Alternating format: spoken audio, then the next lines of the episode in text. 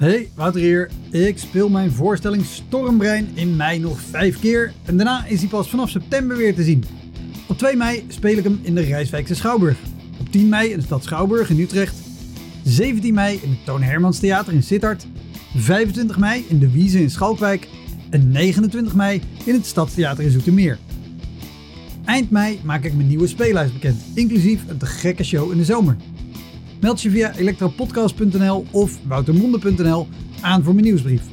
Dan weet je als eerste waar en wanneer ik te zien ben. Sowieso is dat handig, want dan krijg je elke maand één mail met erin een overzicht van alle podcastgasten, de columns die ik die maand heb gedaan en alle shows die er in de maand erop gaan komen. Welkom, mijn naam is Wouter Monde en dit is de Elektra Podcast. Een podcast waarin ik met collega's herinneringen ophaal aan shows die ze liever waren vergeten. Genoemd naar het roemruchte jongerencentrum Elektra in Sliedrecht, dat ooit bekend stond als de comedy hell.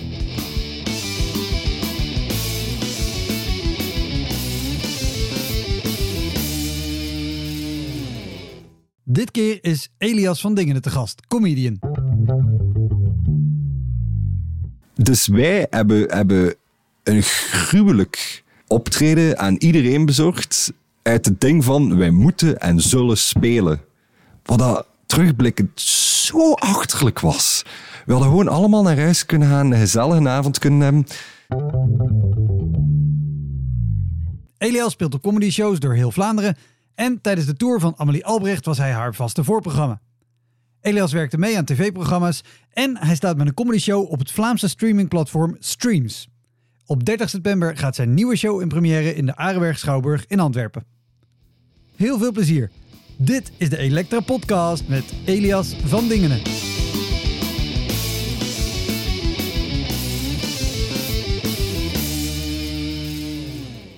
Ik ga ervan uit dat, dat ik absoluut niet de enige comedian ben die hiermee zit, maar, maar ik heb ontdekt, door op dat podium te staan, dat hoe dat ik denk dat ik overkom en hoe dat ik echt overkom, twee totaal verschillende dingen zijn. Dus ik, ik heb wel ontdekt dat ik een gebrek aan zelfbesef had dat redelijk pijnlijk groot was.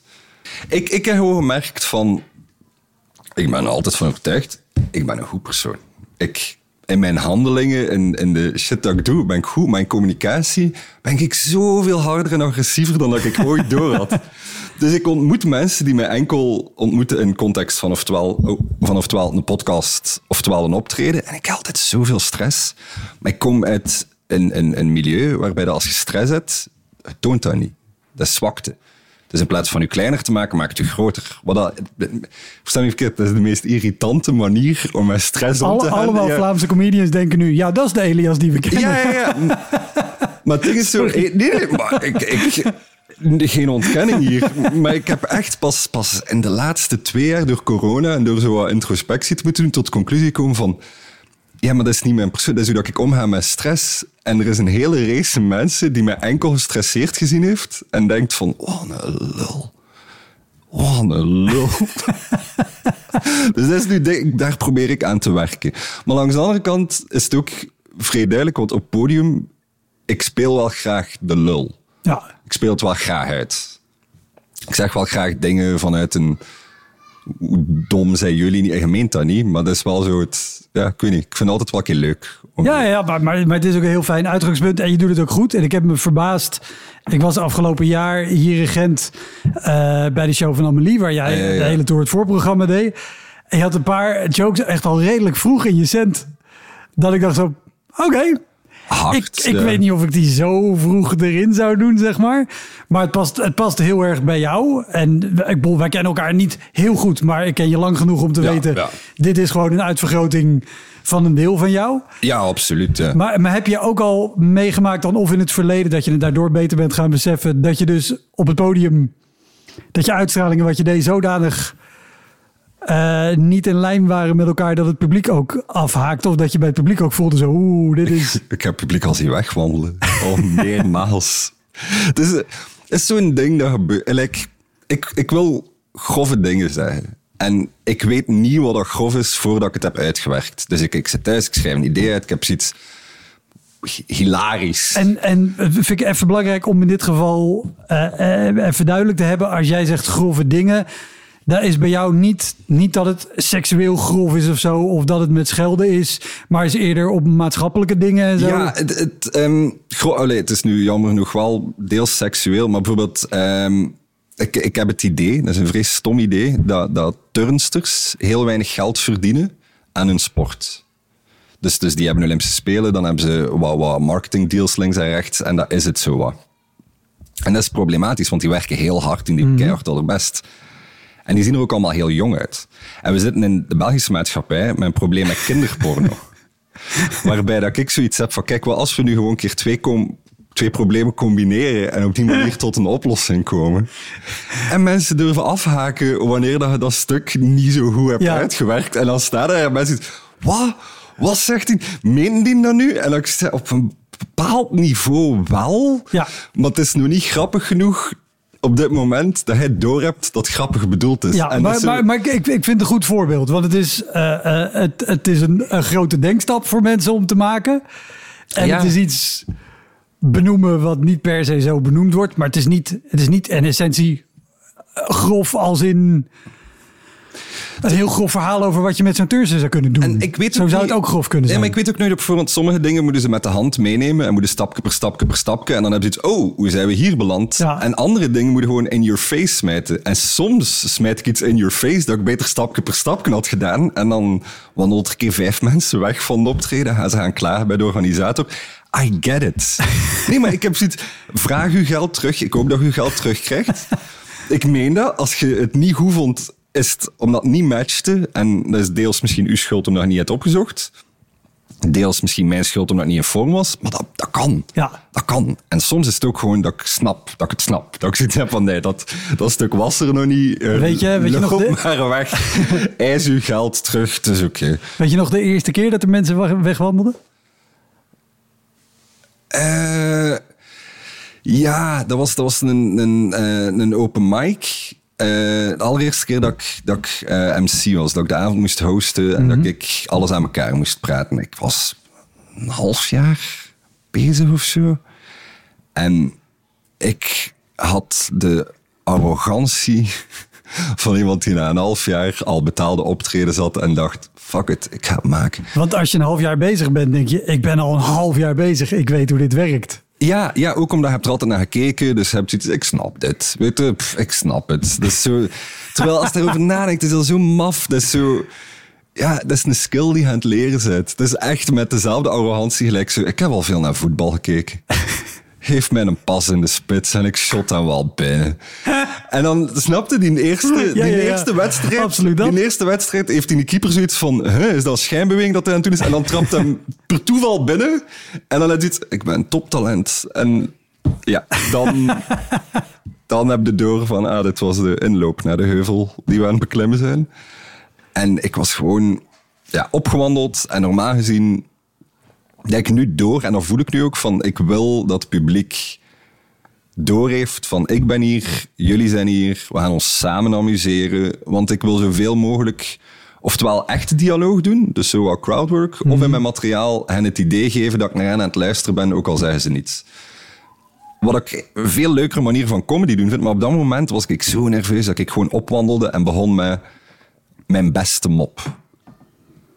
Dus gewoon zo, ik wandel op, ik vertel... Ik weet niet wat mijn beste mop was op dat moment. En ik denk, die werkt altijd. Hilariteit. En we zijn vertrokken. En mensen hebben gewoon zoiets... Huh? Wat? Verder ook Wie nog zei- niks gedaan van... hey, ik ben de presentator, Niks. welkom. Ik wandel op. Ik pak de microfoon en ik steek van wal met bla bla bla bla bla. En toen wandelde mijn mama binnen. Wat waarschijnlijk het niveau van mop is dat ik op dat moment had. En, en het publiek, hè, wie de fuck zei hij, wat is dit? En dan, hey, welkom op de... Ik begin Hans in de uitleg te doen. En het publiek haat mij. Van minuut één en toegegeven het publiek gezeten hebben. Ik zou ook zo van, een deze is dan... En waarschijnlijk heb je het ook... Ik heb het heel slecht gedaan. Heel slecht Ja, maar waarschijnlijk ook met, met de, de uitstraling... hey, ik weet hoe dit werkt. Ja, met, mijn gezicht en mijn stemgeluid en, en mijn ravissante looks ga ik op dat podium en die hebben zoiets van, ja, deze man is arrogant. En dan doe ik niets om aan het tegendeel te bewijzen. Niets. Dus ik heel die naam trek naar sleur. Van echt tot op het punt gekomen. En dat, dat vond ik eigenlijk wel leuk. Van zo, jullie haten mij. En jullie zo, uh ja, wij, wij haten u. Kunnen we alsjeblieft gewoon wel zo de haat die jullie voor mij hebben, het omgekeerde daarvan in liefde geven voor de volgende comedie. En dat deden ze wel. Dus snapten ze waren daar wel met zo, wij willen Je hebt, lachen. je hebt wel de zaal één gemaakt. Ja, ja, tegen Dat- mij. ja. Tegen mij. Maar dat is, ja... Niks zo effectief als een gezamenlijke vijand. Ja, en dan... En ik ben dan zo die idioot dat dan denkt, oké, ik wil nu zoveel mogelijk MC-opdrachten, want dit trok op niets. En ik wil hier zo goed mogelijk in worden. En ik weet niet waarom. Ik, dat is een vorm van Maar sadomasochisme. wa- wat is daar idioot aan om dat te denken? Nee, omdat... Het, er is ook niets mis mee op dat moment te denken, dit is mijn ding misschien niet. Zo, dit is, ik heb hier nul instinct voor. Ik heb hier echt geen voeling mee. Misschien moet ik Nee, maar zolang de, insteek is, oké, dit trok op niks. Ik ga dit heel vaak doen, zodat ik dit wel kan. Ja. Vind ik een betere dan de mensen die niet doorhebben dat het heel slecht was. Overtuigd zijn dat ze heel goed zijn. En dan vervolgens iets heel vaak gaan doen. Ja, oké. Sure, maar die maken hun beslissing en Ja. whatever. Ik denk soms bij mezelf van, was dit de meest nuttige tijdsbesteding? Van, van MC-skills te leren en die nu eigenlijk... Ik heb twee jaar geen enkele MC-opdracht gehad. Ah, er zit hier een vlieg. Ik heb twee jaar geen enkele MC-opdracht gehad. Dus ik heb zoiets, ik heb die een skill ontwikkeld. Cool dat ik hem heb, want in mijn eigen sets kan ik links en rechts whatever doen. En mijn crowdwork is Ik goed. wou zeggen, want dat is, je leert er zoveel van. Ja, maar, maar ergens denk ik zo, oh, ik niet beter zo mijn materiaal wat beter uit. Want daar ben ik echt geen krak in. Ik ben, ik heb zo wel losse woorden en dan heb ik hoe voel ik me die dag en dat is hoe dat ik het breng. Zo, geen enkel woord staat ooit op dezelfde plaats wanneer dat ik jokes een paar keer op rij doe. Of het ritme is net dat tikkeltje anders. Ja. Dus zo, ik ben helemaal... Mensen die zo'n mooi uitgewerkte set hebben en zo beat, beat, beat. Kan nou niet. Als ik op een gegeven moment voel van, oei, ik ga een richting uit dat je niet 100% wilt, dan gooi ik het over een andere boer. Ik, ik, ik wou dat ik dat meer in mij had. Zo wat setvastheid. Ja, voilà. Dat was goed einde van de podcast. All right. Eén één open mic in Eh, het is, Kortrijk. het is en, en, en ik wil niet per se ingaan op dit aspect, hoewel ik het heel interessant vind. Maar eh, juist deze stijl van spelen, ik ja, zeg dat alsof het iets slechts is. Terwijl ik denk, ja, maar juist het feit dat je het zo aan kan voelen of op de waan van de dag. Er is niks zo vervelend als dat je iemand ziet spelen die doet alsof alles eh, helemaal perfect is. Terwijl het eh, misschien heel erg slecht met hem gaat of juist andersom. Ja, dus ja, ja. of dat je het besluit kan nemen, oh, dit, eh, dit werkt niet, ik ga 180 graden de andere kant op. Dat is heel verstandig om dat te doen. In plaats van dat je gewoon doorraffelt met je keurig uitgewerkte set waar elk woord vast ligt.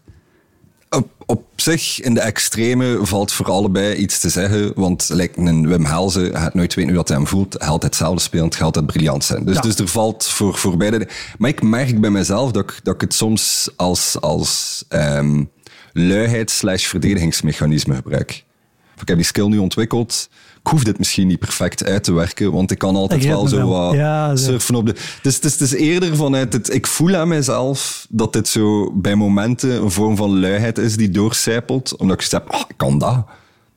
Gelijk, het is mijn spaghetti. Ja. Zo, ik hoef niet te koken vandaag. Ik kan gewoon snel een spaghetti. Ik weet hoe dat ik doe. En wat is de, de laatste keer dat je, dat je dus tijdens een show hebt moeten bedenken... Oké, dit werkt niet. We gaan nu de hele andere kant op moeten.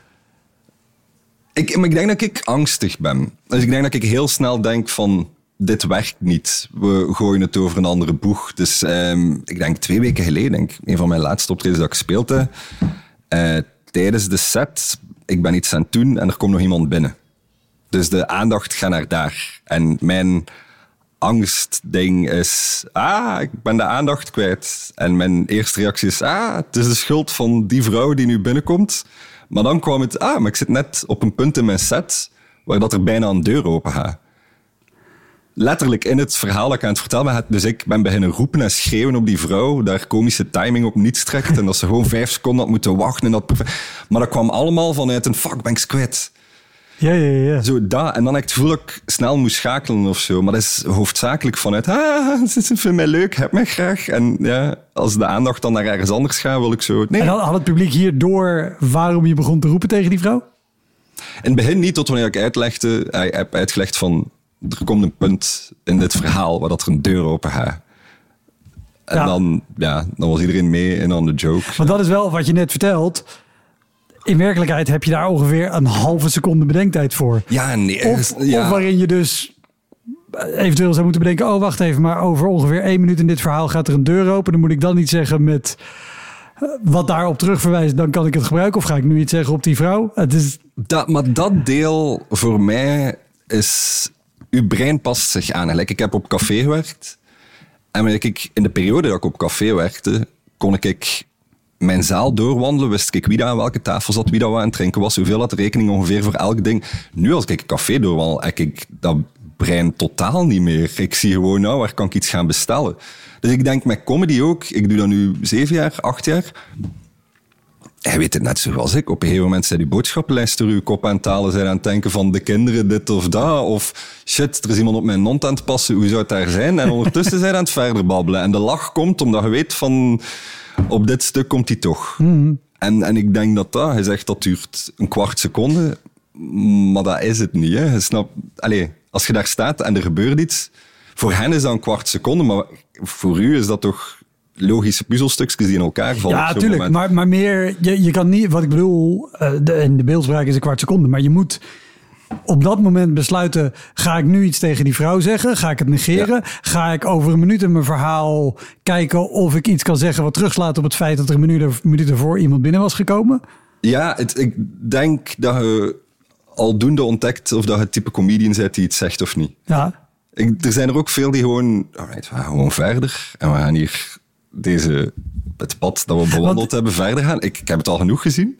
Er gebeurt iets in de zaal en iemand heeft zoiets, ik weiger te reageren. En soms draait dat goed soms draait dat slecht. Net gelijk dat benoemen soms goed en soms slecht uitdraait. You never know. Maar je kunt enkel ja, zo dicht mogelijk bij jezelf blijven. Ja. En ik ben iemand die in het dagelijks leven ook wel zo... Hey! Ga roepen wanneer dat ik iets zie of dat iets mij niet aanstaat. Dus, ja. En hoe ben je, k- kon je nog terug in de bit die je aan het doen was?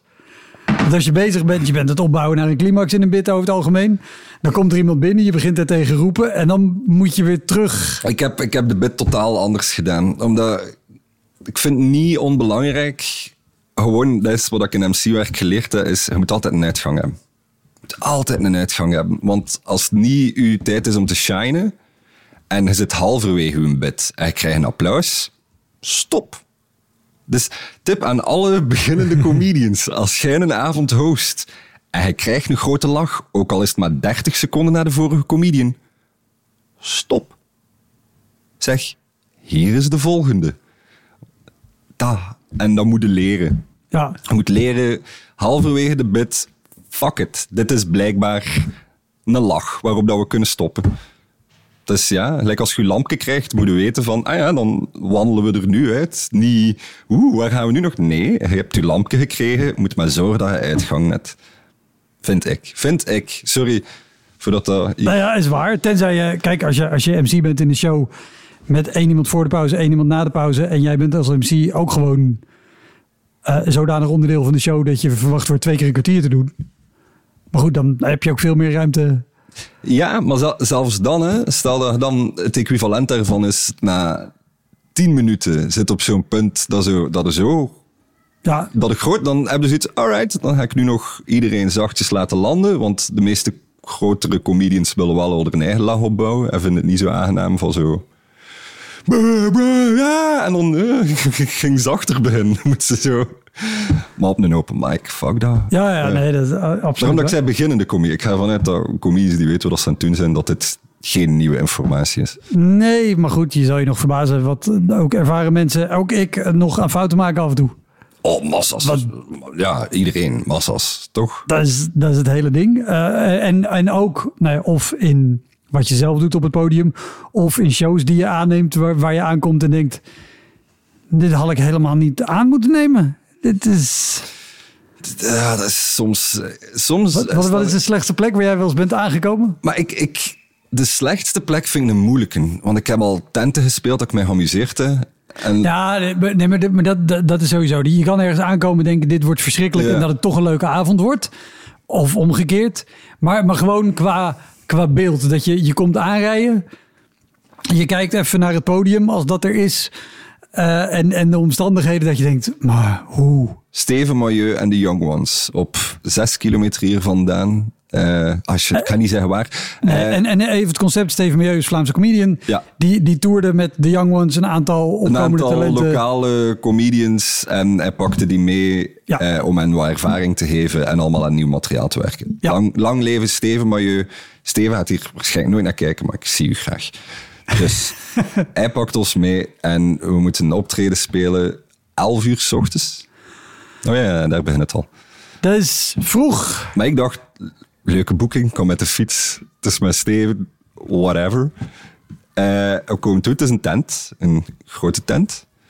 Het podium is ja, een tentenpodium, een degelijk, stevig tentenpodium. Was Dat dit een zondagmorgen? Ja. De- Burst. Wat blieft? In het dorp Burst. Nee. Nee, oké, oké. Nee, het was, het was een eh, zondagochtend en het was eh, voor een vereniging van eh, mensen met een verstandelijke beperking. Het publiek waren mensen met een verstandelijke beperking, hun ouders en familie. Geboekt op dit optreden waren Steven Mailleu, Stijn Verdegem en Elias van Dingenen.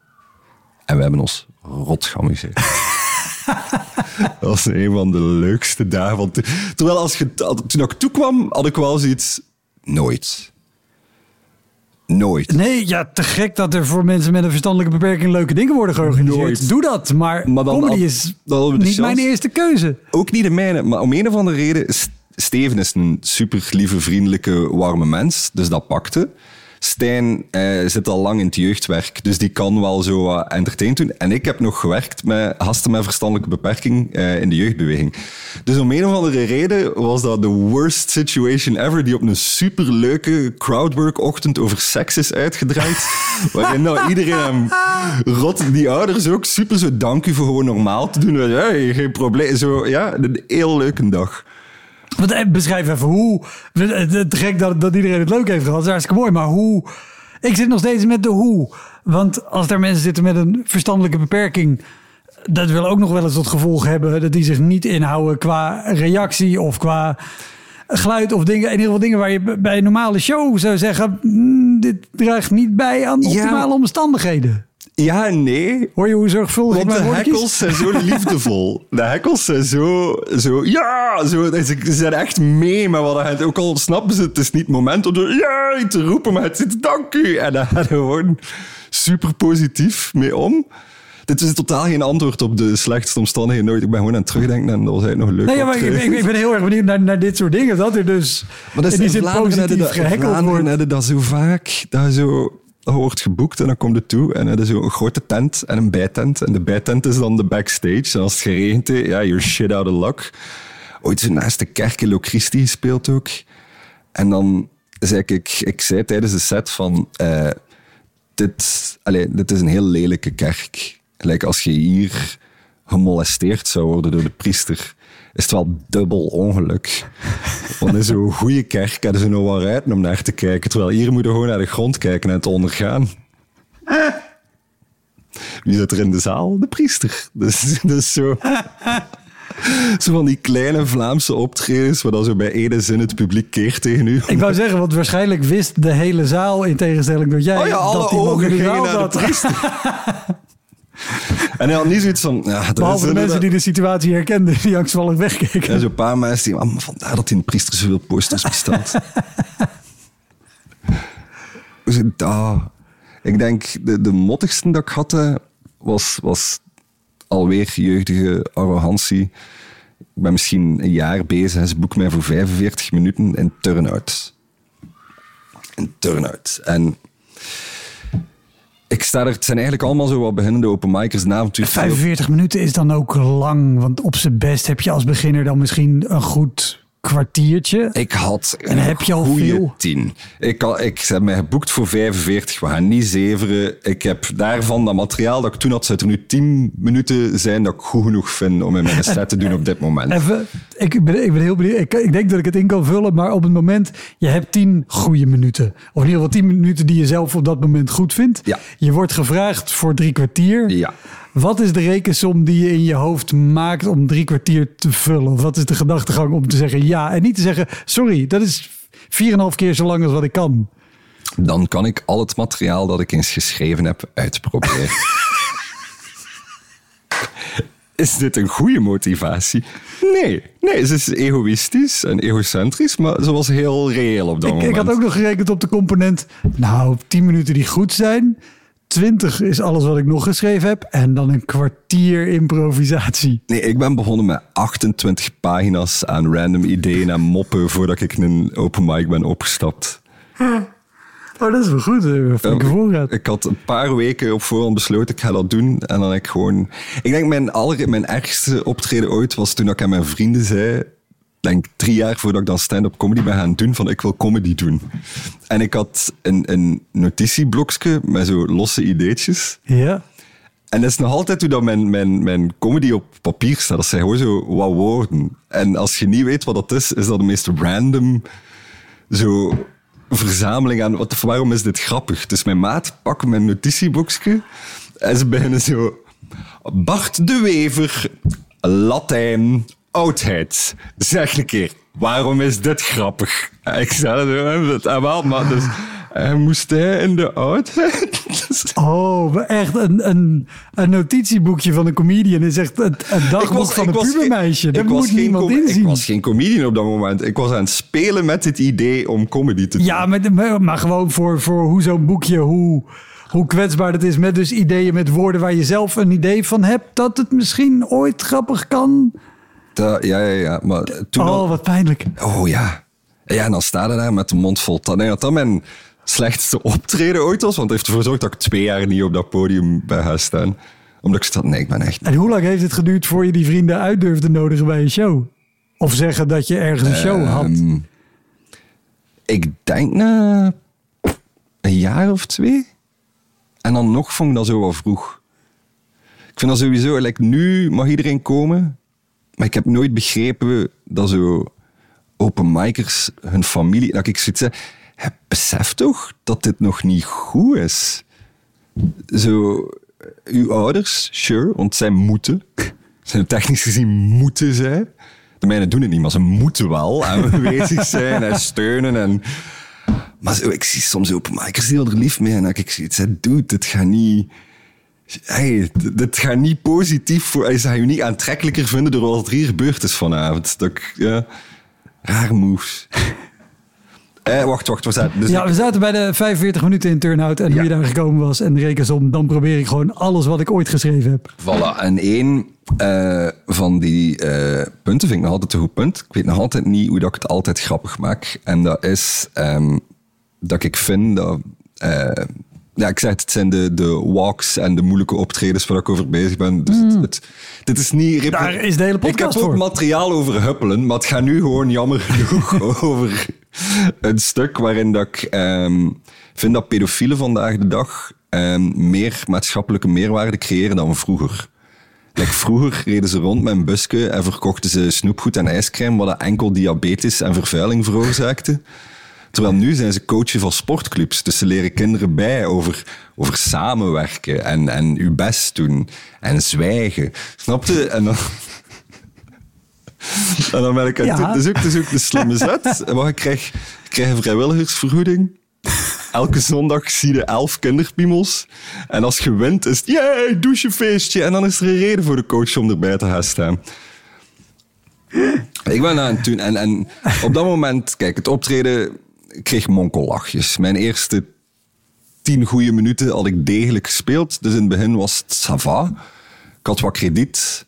En ik denk dat ik het tegen dan volledig kwijt was. En ik ben dat stuk aan het doen. En de zaal wordt stil. Maar muis, zo onaangenaam stil. Snap je? Je hebt zo geen geroezemoes. Geen zo akelig stil. Ja, je hebt ook gewoon, we luisteren, want we vinden dit een mooi verhaal. Ja, maar dan, dan, dan, dan hoorde niet elke schuifel zo goed. Snap? Het was gelijk dat mensen te ademen. En ik had van, jezus, zo grof was dit nu toch ook weer niet. En ik doe verder. En ik was zo slim geweest om dan mijn beste mop op het einde te zetten. En ik doe die. Ik krijg zo'n kleine, kleine monkellach. Ik, ik heb zoiets, ik heb... Was het 42 minuten gedaan. Dus yes, bijna 45, ik had in iedereen zijn dat 45 minuten zijn. En ik stap van het podium, maar ik heb wel zoiets van, wauw, een rare ervaring. Dus ik, ik ga buiten voor een sigaret roken en ik sta in de ingang en er komt zo'n oude vrouw die passeert en die zegt tegen mij, ik vind dat toch wel moedig wat dat hij doet. En ik had zo, ah, fuck deze maat, moedig van op het podium te gaan staan. En, nu- dat, dat zit in mijn hoofd. Ik denk, oké, ik probeer vriendelijk te blijven. Dat lukt mij in mijn gezicht niet zo goed, maar in mijn woorden denk ik wel. Maar we weten hoe dat ik overkom. Het kan een ramp geweest zijn. Dus ik zeg gewoon zo, maar hoe bedoelde? En zij zei, ah ja, maar... Ja.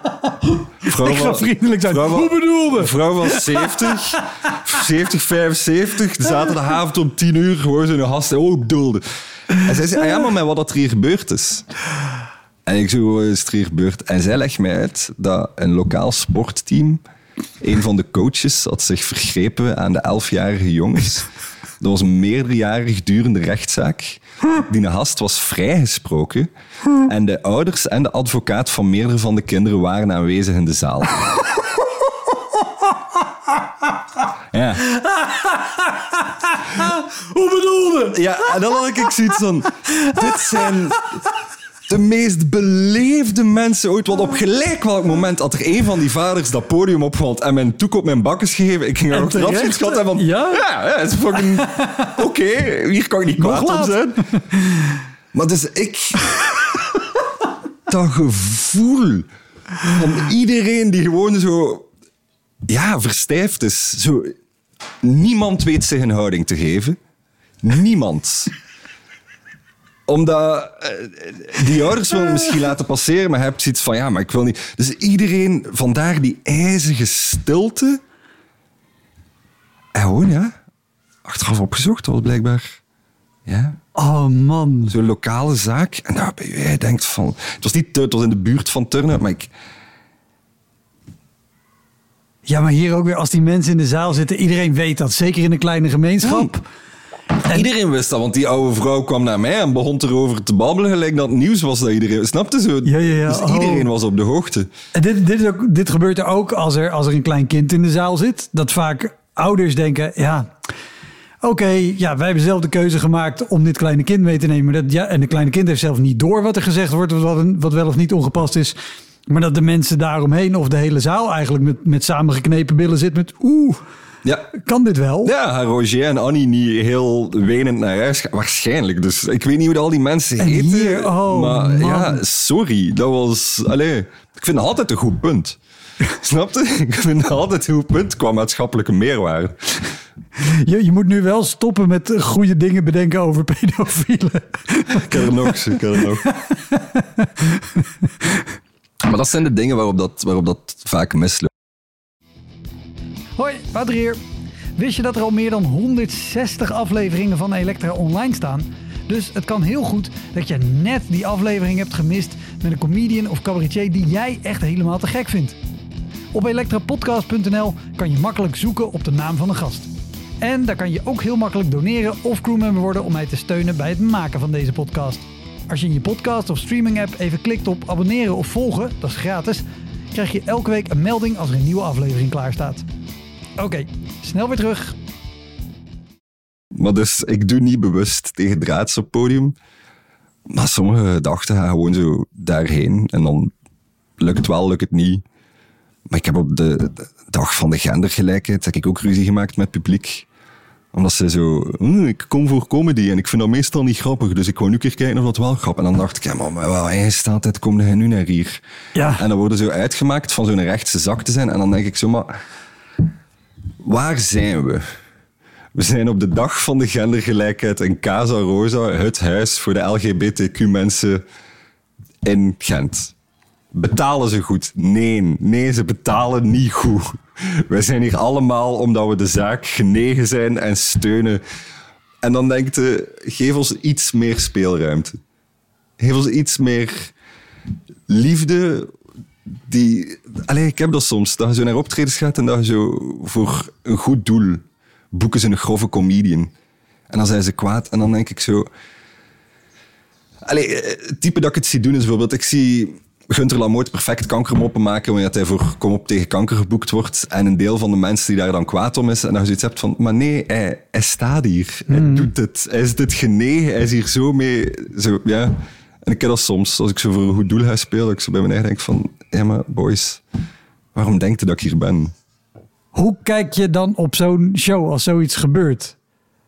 Denk je dan, het is mislukt, want de, de grappen werken nog niet? Of trek jij het je persoonlijk aan van, oh, deze mensen hebben gewoon mijn punt gemist? Alles. Ik, ik heb mijn eigen... Oké, één, de grap is niet goed genoeg. Duidelijk. Want als ze goed genoeg is, lachen mensen. Ja. Dus, dus dat is ook heel ding met zo'n cancel culture. Nee, ze zijn gewoon niet grappig genoeg. Dus het is zo simpel als dat. Soms zijn ze gewoon niet grappig genoeg en zijn ze gemeen. Maar als je grappig bent, wat noemt Jason, ik noem Jimmy Carr ja, soms. Louis C.K. zegt ook dat hij heel vaak in, in, in zijn try-out fase van zijn voorstellingen echt wel problemen heeft met het publiek, omdat hij te grof is. Maar dus, ik beschouw ook als data. Zo, ik doe niet enkel, even ter verduidelijking, want dit, is nu zo, dit lijkt zo dat ik enkel grof... Ik begin met een mop over huppelen. Oké, die ontaart een mop over gewapende overval, maar ik begin met huppelen. Oké? Daar moeten we rekening mee houden. Ik doe ook een, mop over bloemen. Die eindigt... In die eindigt ja, Die eindigt ook niet zo positief. Maar ik ben een vrolijk persoon. Ik, ja, ja. ik wil niet dat ik zo... Maar ik vind het gewoon leuk om zo iets gruwelijk te bedenken dat een vorm van waarheid heeft. Ja. Nee, maar ik, ik kan me ook een show herinneren die wij ooit samen deden. Jaren geleden, toen je in Antwerpen nog uh, kortstondig uh, Comedy Club Lebowski's had. Shout-out van, Lebowski's. Bram van der Velde en Kamal. Rest in peace, allebei vermoed ik. hey Bram. en hey Kamal. Ik, ja, allebei nog uh, live en kicking. Maar, uh, maar vooral, dat was een avond in de zomer. Er zat geen hond. Maar de deal was, uh, normaal is het open mic zijn en nu was wel, iedereen moet iets doen over iets uit de actualiteit. Maakt niet uit wat, maar doe iets. En uh, dat was in de periode dat er in Amerika, misschien ook andere landen, maar vooral Amerika, allerlei twijfelachtige of standbeelden van twijfelachtige figuren omver werden getrokken. Ja. En toen had jij een hele grappige bit over uh, koning Leopold I, te, Leopold de tweede, ja. waarbij omdat veel van mijn vrienden willen wel een keer een zwart lief. En mijn punt was dan, haalt één van die Leopold II standbeelden neer, post op uw Instagram verhaal er gaat heel veel vrouwen van alle kanten hebben die u plots voor uw social justice warrior ding willen. En stel dat je gearresteerd wordt, dan hadden u in de gevangenis niet moeten aansluiten bij de Ariërs. Je gaat gewoon bij een andere groep. Ik vond dat een heel leuk idee. Maar dat, dat idee komt voort uit een uh, discussie met um, twee op dat moment uh, beginnende openmikers, nu comedians. Uh, Stijn Verdehem en Steven de Grijze, de, de broers. Mm -hmm. En ik had dat stuk ergens anders gedaan. En zij zeiden, doe dat niet, dat gaat nooit werken. En dan kwam mijn bewijsdrang naar boven van ik moet en zal een stuk over foef naar uw kop geslingerd krijgen door het afsnijden van de Leopold II standbeeld. Ik moet en zal dit grappig maken. En ik heb dat na die weken ook niet meer gedaan, denk ik. Nee, maar de, reden dat ik het aanhoud is ook wel... Uh, dat het ook met de weinige mensen die er waren. En verder niet per se mensen dat je denkt, oh, maar jullie zijn heel erg begaan met, met de geschiedenis van België of zo. Of het koloniaal bewind wat België gehanteerd heeft. Uh, maar daar merkte je ook al het ongemak. Zo, oh, wacht even, je gaat hier benoemen wat... Dat is wel België. België is zich niet zo bewust van het eigen koloniaal verleden. Dat, ik stond een paar jaar geleden met een maat van mij op de Hensfeest en er was een cocktail de Lumumba. En dan dacht ik, jongens, dit, dit doe je niet. dit doe je gewoon niet gezien onze geschiedenis. Dus, allez, als je weet dat de Belgische staat gewoon Lumumba vermoord heeft samen met de CIA, en wel zoiets van, misschien moeten we als Belgen op een volksfeest niet een cocktail vernoemen naar de eerste democratische leider van onze ex-kolonie. Misschien moeten we dat je moet dat niet doen. dat is gewoon, ja, dat is zo, ja. En heb jij over weglopers ook mensen gehad die, want je zei wel mensen die achteraf bij een organisatie gingen klagen. Heb je ze ook al gehad die wegliepen en of gewoon met jou de discussie aan wilden gaan tijdens de show of tijdens het weglopen of dan nog dingen Achteraf, achter, uh, achteraf. Maar dat is, het ding daarbij is ook, ik ben geen gewone mens. Dus in die conversatie achteraf, ik ben, niet, ik ben geen set niet meer aan het doen. Er is geen publiek voor mij om voor te performen. Er is geen lach die ik moet halen. Jij bent een mens. Ik heb je gevoelens met bezorgdheid. Je vindt iets niet aangenaam. Ja, als jij mij met respect behandelt, ga ik met respect luisteren. En dan gaan we meestal op het einde van dat gesprek gewoon zo, alright. Of we kijken anders naar de wereld, of ik begreep u niet, of nu begrijp ik u beter. Tuurlijk. Like, een, voorbeeld daarvan is... ehm wat ondertussen, ik denk, whatever, ze ook nog naar luisteren, maar eh, mijn zuster heeft een kind verloren. En op een gegeven moment had Edouard de Pre, Ja. eh, in mijn ogen een vrij goeie- Comedian en Ja. podcastmaker ook. Ja, comedian, pod- eh, check out Palaver podcast van hem. En hij had een mop over, eh, stel dat je je kind verliest op 2 januari, kun je dat dan wel nog inbrengen op je belastingen?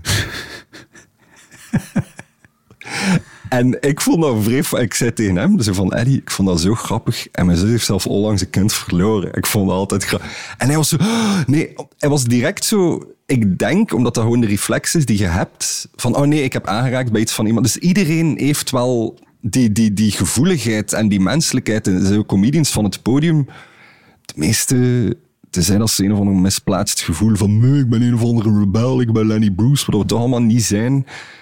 De meesten gaan wel een keer luisteren naar bezorgdheden en bekommernis, denk ik. Allee, ik weet niet wat dat... Ja, maar eh, neem niet weg dat je dus alsnog mensen kan hebben die zo boos zijn over wat dan ook. Maar die, die, Opstaan en, en nog per se moeten laten weten waarom ze opstaan en weggaan. Maar ik, sowieso dat dat al gebeurd zijn, maar ik klasseer dat heel snel als irrelevant. Gewoon als, als mensen echt kwaad willen zijn voor woorden. Keer gehad hè, dat ze mij met acht omsingeld hadden en, en een uitleg wouden geven, acht vrouwen. En dat toen ik zei, wow, wat doe je? Begonnen ze te roepen naar security, ik voel mij onveilig. En dat ik ook zoiets had, wat is dit zelf? Wat, waarom doen mensen dit? En dat vind ik zo nooit... De zuurpruimen van de wereld... En wat, wat was de reden dat er acht vrouwen om je heen de- stonden? En niet, niet op de sexy rock'n'roll ster van- die je, die je van Dat was de dag van de gendergelijkheid. Dus Dat was die situatie dat ik daar net over gebabbeld had. Dat ik zo conflict met het publiek had en ik zei, hè? En dat was heel raar. Die waren, ja, heel agressief verbaal tegen mij. Over, ik die gewoon probeerde uit te leggen van, met dit zijn mopjes. En dat is oké als je het niet als mopjes kunt of wilt zien. Maar identificeer dat aan jezelf. Als je iemand bent die niet graag danst, moet je niet naar een techno-optreden gaan om de hele tijd te zeggen Jesus Christ, het is hier zo bezweterig en iedereen botst tegen mij. Dat is uw plek niet. En dat is oké dat dat uw plek... Er is een plek voor iedereen. En als dat comedy niet is, oké, dan is dat comedy niet. Maar ik vind dat zo raar om zo tegen uw natuur dingen te doen en dan te klagen dat je de dingen tegen uw natuur niet leuk vond. Dat verspeel je eigen tijd niet met Tine Zever. Ja, toch. Je hebt mensen die gewoon graag ook boos willen worden om dingen. Ja, maar dat, dat, daar kun je mee amuseren. Hè. Nee, Dan kun je gewoon duwen, duwen, duwen, duwen, duwen, tot heel zij lijkt een vulkaan uitbarst en hij gewoon bij je gemak met een glimlach naar huis rijdt. Allee. Ik ben bezig over zo de mensen die een echt gesprek willen voeren. Al dan niet verhoogd of luid of stil, want de roepers en de heel agressieven negeer ik meestal. Meestal. Ja. Aan het nadenken en ja, meestal. Eigenlijk quasi altijd. ja. Nou ja, maar dat, dat is het grappige waar we het eerder over hadden. Over eh, eh, nadenken over wat je wel of niet doet in een situatie. Of iets negeren kan net zo effectief zijn als wel op iets ingaan. Ik, eh, ik heb het in, in Ninove heb ik het gehad. Eh, nu hadden we wel iets moeten bliepen, want ik ga zeggen wat ze tegen mij gezegd hebben. Het is een naholf van dat opiniestuk. Eh, Ja, moet je even uitleggen. eh, ik had een job als redacteur op het programma van Gert Frulst. Hij heeft iets gezegd dat niet door de beugel kan. Achteraf is dat op de redactie niet besproken op de manier dat ik aangenaam vond. Dus ik heb in het teken van blijf dicht bij uzelf ontslag genomen. Daar heeft de krant mij gevraagd om een opiniestuk over te schrijven. En ik had niet door dat dat het blijkbaar een van de top 10 best gelezen stukken van het jaar ging zijn. En, en ook even, als ik me het goed herinner, dit was de eerste avond van dat programma op tv. Ja, ja, ik heb na één dag ontslag genomen. Ja. Wat ook gewoon cooler klinkt natuurlijk. Als je... Het, was, het was een hele goede move en het was een goed stuk. Want in die eerste uitzending, als ik me goed herinner, werd eh, eh, het N-woord daarin gebruikt alsof het een, een drankspelletje was en Ja. er een hele slijterij leeggezopen moest worden. Ja, Ja. Toch? Dan, Ja, jammer. Jammer ook, omdat dat was niet, was niet de vibe dat ik had bij de redactie. En vandaar dat ik ook zoiets had van, oké, maar als ik het gevoel heb dat mijn werk er ook echt niet toe doe.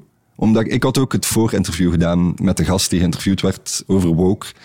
En ik voelde me ook vrees schuldig naar hem toe. Omdat ik heb hem gezegd, het gaat zo zijn, het gaat zo zijn, maak je geen zorgen over dat, dat en dat. En dan kom het binnen, dus die gast had ook zoiets oh, fuck you. Zo, Hij Ja. zei het niet naar mij in de zak gezet heeft. En op persoonlijk gebied vond ik dat niet aangenaam. nee, terecht. En dan komen we op een punt, ik werk graag volgens structuur.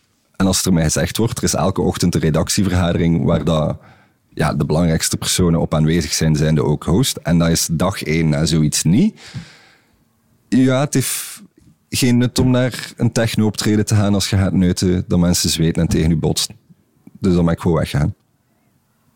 En ik had al veel opiniestukken. Dus dat is iets dat mensen niet weten. Dus alle journalisten hadden mijn telefoonnummer al. Maar ik was daarvoor persverantwoordelijke voor een NGO. Dus iedereen heeft mij die dag gebeld. Met zo, hey Elias, mogen we een interview doen over dat? Ik heb aan iedereen nee gezegd. Dus ik wil ook wel zo...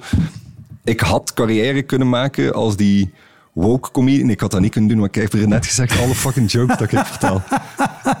Nooit gelukt. Mensen zijn zo verwacht geweest zijn. Nee, nou ja, maar je had carrière kunnen maken als woke comedian. Nog even, je had gewoon die publiciteitsgolf heel goed uit kunnen surfen. Ja, maar dat is zo, dat is zo van die dingen dat als ik te, denk te lang tegen mijn eigen natuur in ga, zo zelfmoordideatie en al is heel aanwezig. Kijk, en het is donker geworden terwijl ik dit zeg. Oh, spannend. Waar zaten we? We waren nog iets bezig. We zaten in de nasleep van dat artikel, want in het artikel beschrijf je wat er gebeurd was op Ja, de redactie. maar over- ook, en ja. niet onbelangrijk wil ik wel vermelden, ook in hoe dat voor jou eh, echt een droombaan was geweest om daar terecht te komen. En, Ik was want dat al, was ja. een programma wat heel groot gelanceerd werd. Ja. Echt wel, Ik was binnengehaald op inhoud, omdat ik zei, ik was communicatieverantwoordelijk van NGO. Ja, sommige dingen draaien niet uit gelijk dat je wilt. En het is wat het is. En ik meen ook, ik heb gezegd, van, ik wens iedereen daar het beste. Van, ik hoop dat ze hieruit leren en dat iedereen verbetert. Maar ik heb geen zin om deel te zijn van dat leerproces. nou, Maar ehm, dat was omdat mijn ja, baas toen het N-woord gezegd heeft, meermaals. Ehm, bepaalde dingen niet zo oké. En ik heb daar, ja, ik heb daar, iedereen vindt ervan wat hij vindt. Ik vond dat niet door de beugel kunnen. Een paar maanden later, ja, in de nasleep van de opiniestuk, heb ik doodsbedreigingen had, gewoon zo van alles en nog wat. En we gaan naar een deel van Vlaanderen dat gekend staat als eh, racistisch hoogland, zullen we maar zeggen. Zo Flevoland. Nee, ik weet niet wat, ik weet niet wat racistisch is in Nederland. Maar.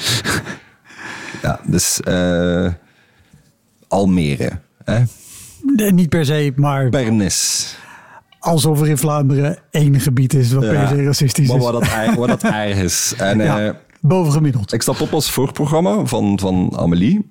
Ik wandel op. Ik pak de micro. En ik hoor... eh, Je weet het net zoals ik. Als je in een zaal komt, hij is je heel hard bewust welk geluid dat waar. Ja. Hij kunt zonder ze te zien weten, dat is de vijfde rij, die kant ongeveer. Ik hoor, dus mijn rechterkant, zes, zeven rijen, een man of drie, vier. Ah, kijk, een N-woord. Nog voordat ik iets, dus de muziek stopt, ik heb nog niets gezegd en dat is wat ik hoor. En toen heb ik verbaal op automatisch piloot gespeeld en mentaal was ik ziedend. Ik was zo kwaad, maar ik kon niets doen, omdat ik ook zoiets had. Ik, het is mijn job, ik ben hier in dienst. Je bent in functie als voorprogramma. ja, ik neem dit heel Ja. serieus. Ik wil dat het goed is. Op zijn minst laten we haar een lauw bad proberen geven dat ze gewoon kan knallen.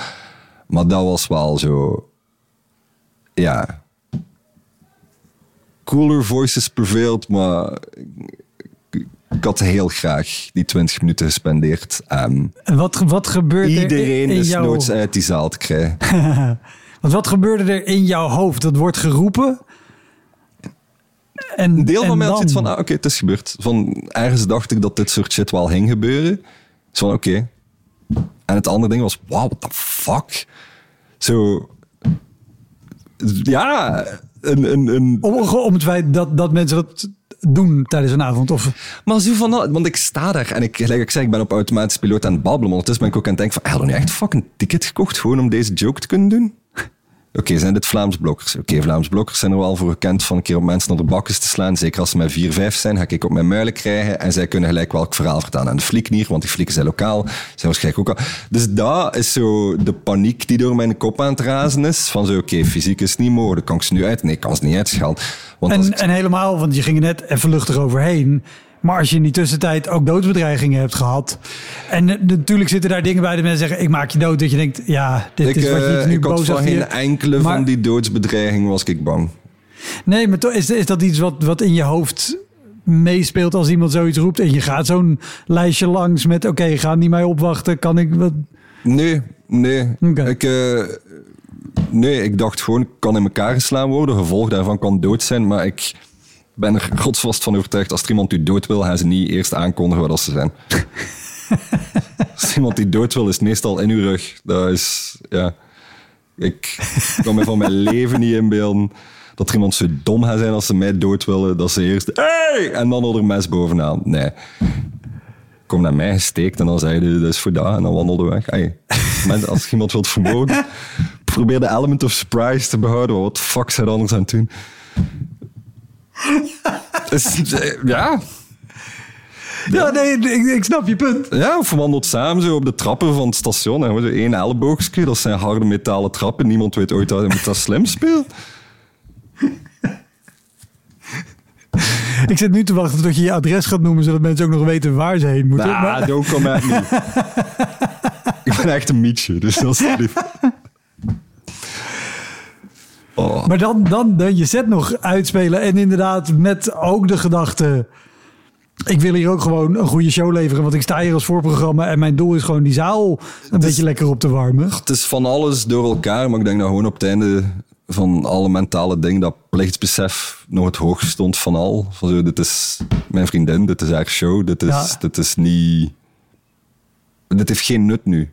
Niemand is hierbij gebaat, want een groot deel weet ook niet dat ik dat ben. Dan moet ik dat gaan benoemen. En maar- dat zijn achteraf gedachten, hè, maar dan moet je dat gaan benoemen. En dan moeten zij alle standpunten innemen. En geloof me, het is niet over. Haar standpunt zal niet het mijne zijn. Dan moet ik gaan uitleggen wat er betekent dat we daar zijn. Zijn we twintig minuten ver en iedereen is iets zo... Waarom hebben we naar een of andere lezing over racisme zitten luisteren? Ja, ja, En daar ja. heeft niemand boodschap aan. Dus nee, dat was echt geen goed optreden. Nope. En ook niet in uit te kunnen kruipen. Ik was zo kwaad dat ik zo...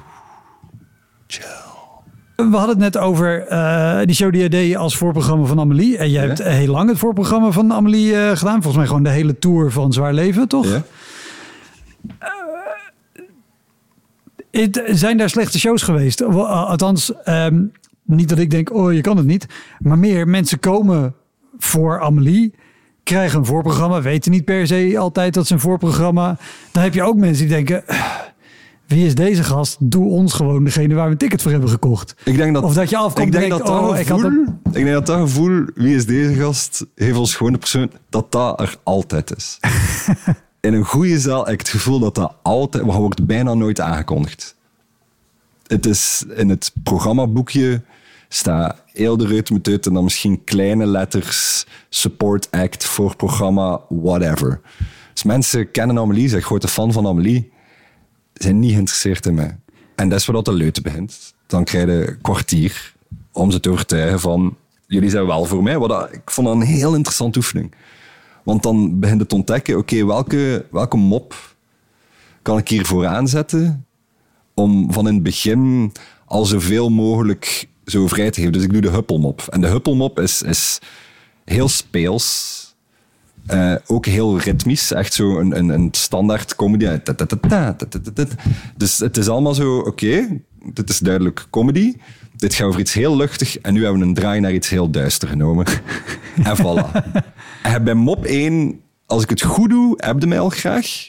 Want ik, ik huppel dan ook en ik maak mijn eigen en mijn ego ook al belachelijk in die eerste.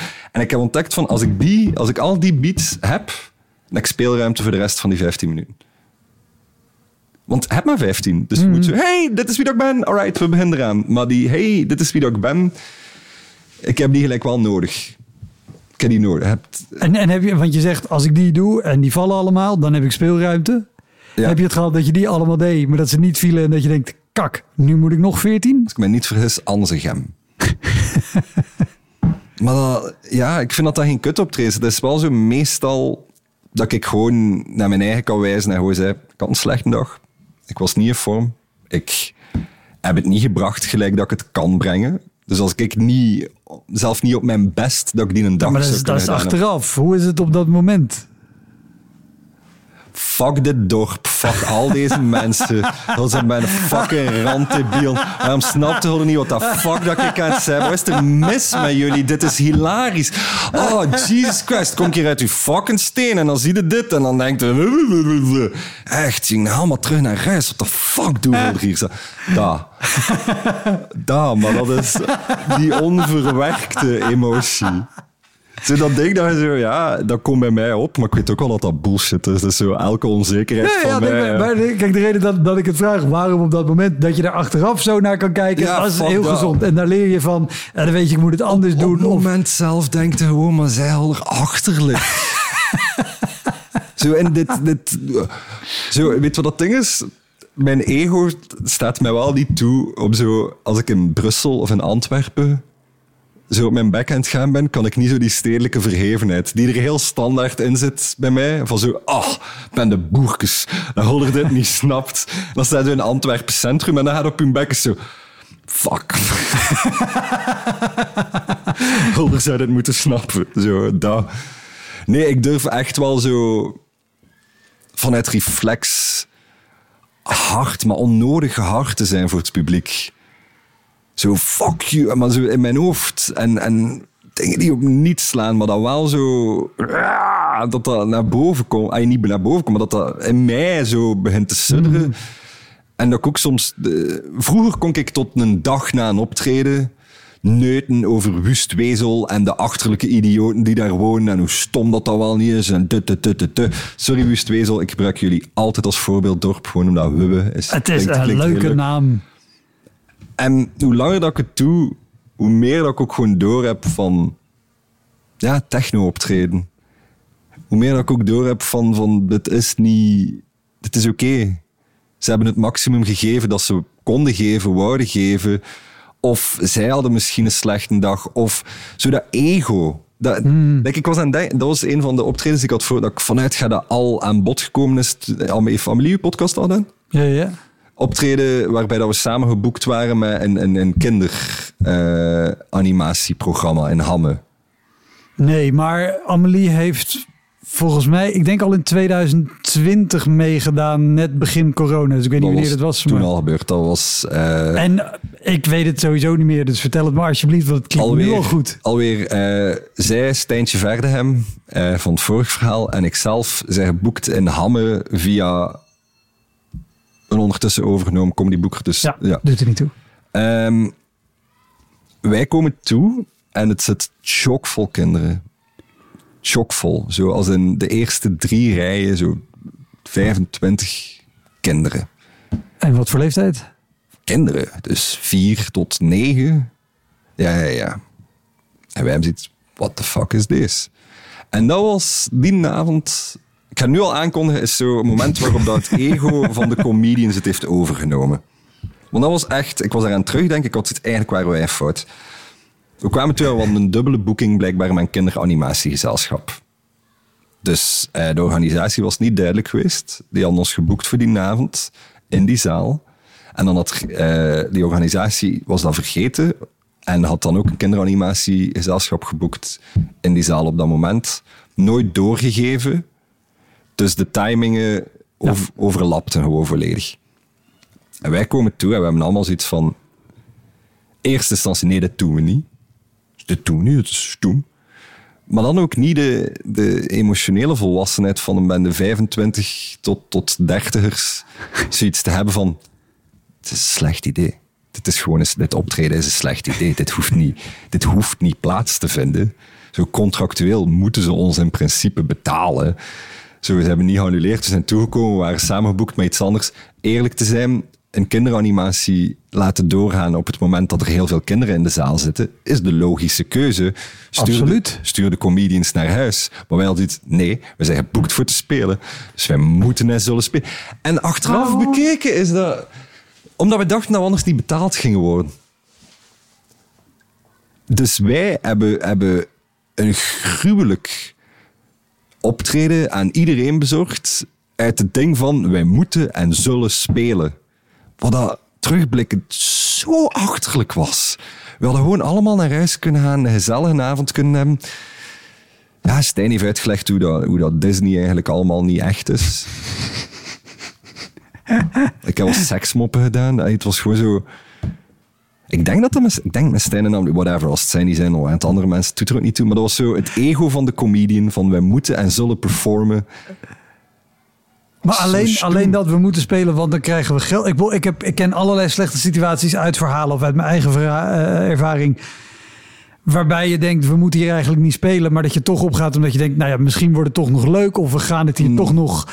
Hier weet je al van tevoren, dit gaat niet. Ja. En ook niemand van jullie drieën die dacht...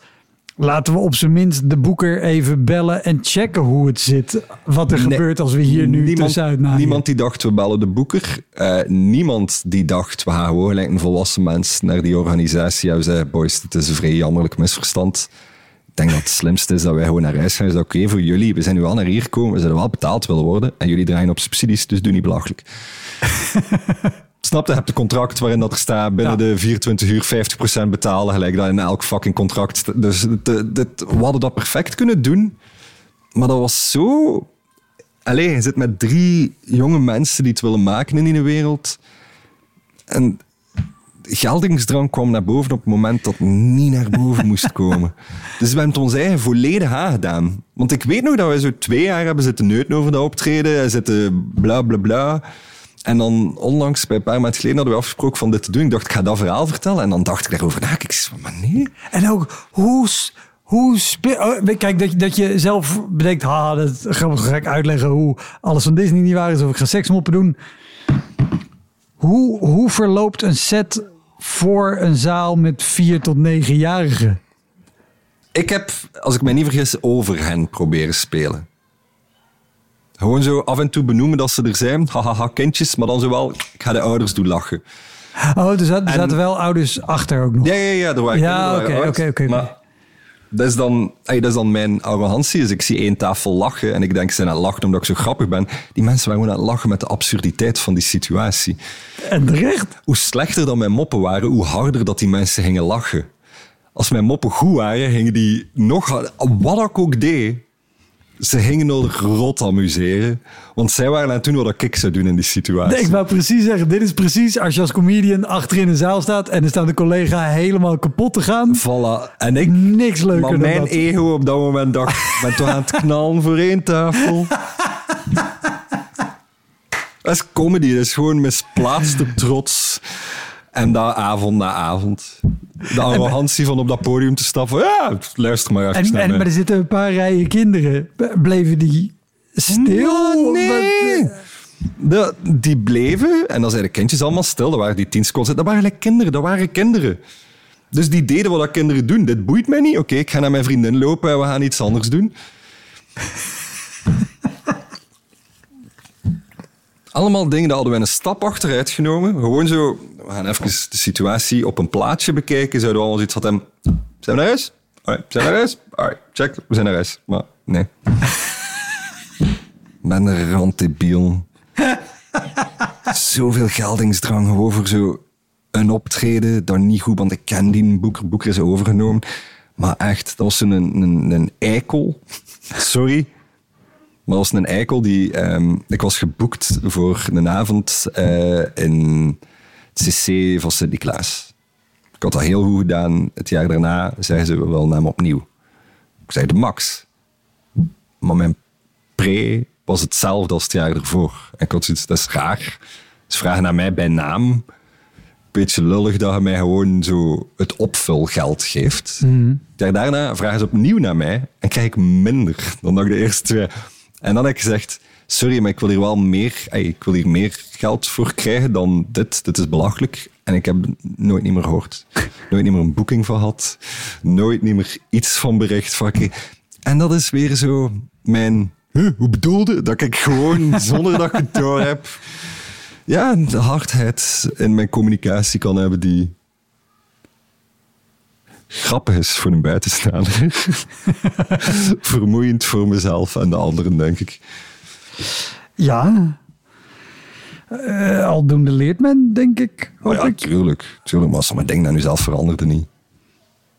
Lijkt zo als je een harde communicatiestijl hebt op je 35, je gaat de scherpe kantjes ervan ja. veilen, maar dat is wie dat, je, dat, is wie dat overkomt. Dus, ja. Zoals jonge twintiger denk ik nou nog aanpassing kunt doen. Is dit het moment dat we gaan afronden voor de plugs? Mag ik plugs doen? Je, je mag plugs doen. Die zitten eh, normaal, eh, zal ik ze doen aan het begin. Doe hij aan het begin, hij doet ze aan het begin, ik doe het aan het einde. Alright, jullie hebben daarnet al de plugs van Wouter gehoord in het begin van de aflevering. Mijn show komt 1 september op streams. Uh, Underdog, ik wou een andere titel, maar ik had blijkbaar een shitty titel. Um, mijn andere show speel ik twee keer. Eén keer in de Arenberg op 30 september. Eén keer bij de Vieze Hastenhand op 7 oktober. En dan eventueel succesoptie nog eens in de Arenberg. Zoek mij op sociale media. Elias valt mee. Um, bel uw moeder. Als uw moeder nog leeft, bel ze. Zeg dat haar graag ziet. Als je haar graag ziet, als je haar niet graag ziet, zeg ik had meer van u verwacht. En gewoon probeer uh, een goede mens naar uw medemens te zijn. En knuffels voor iedereen. Dat was hem, de Elektra Podcast. Meer informatie over mijn gast van vandaag en linkjes naar van alles en nog wat vind je in de omschrijving van deze aflevering. Er staan ongelooflijk veel afleveringen online van Elektra.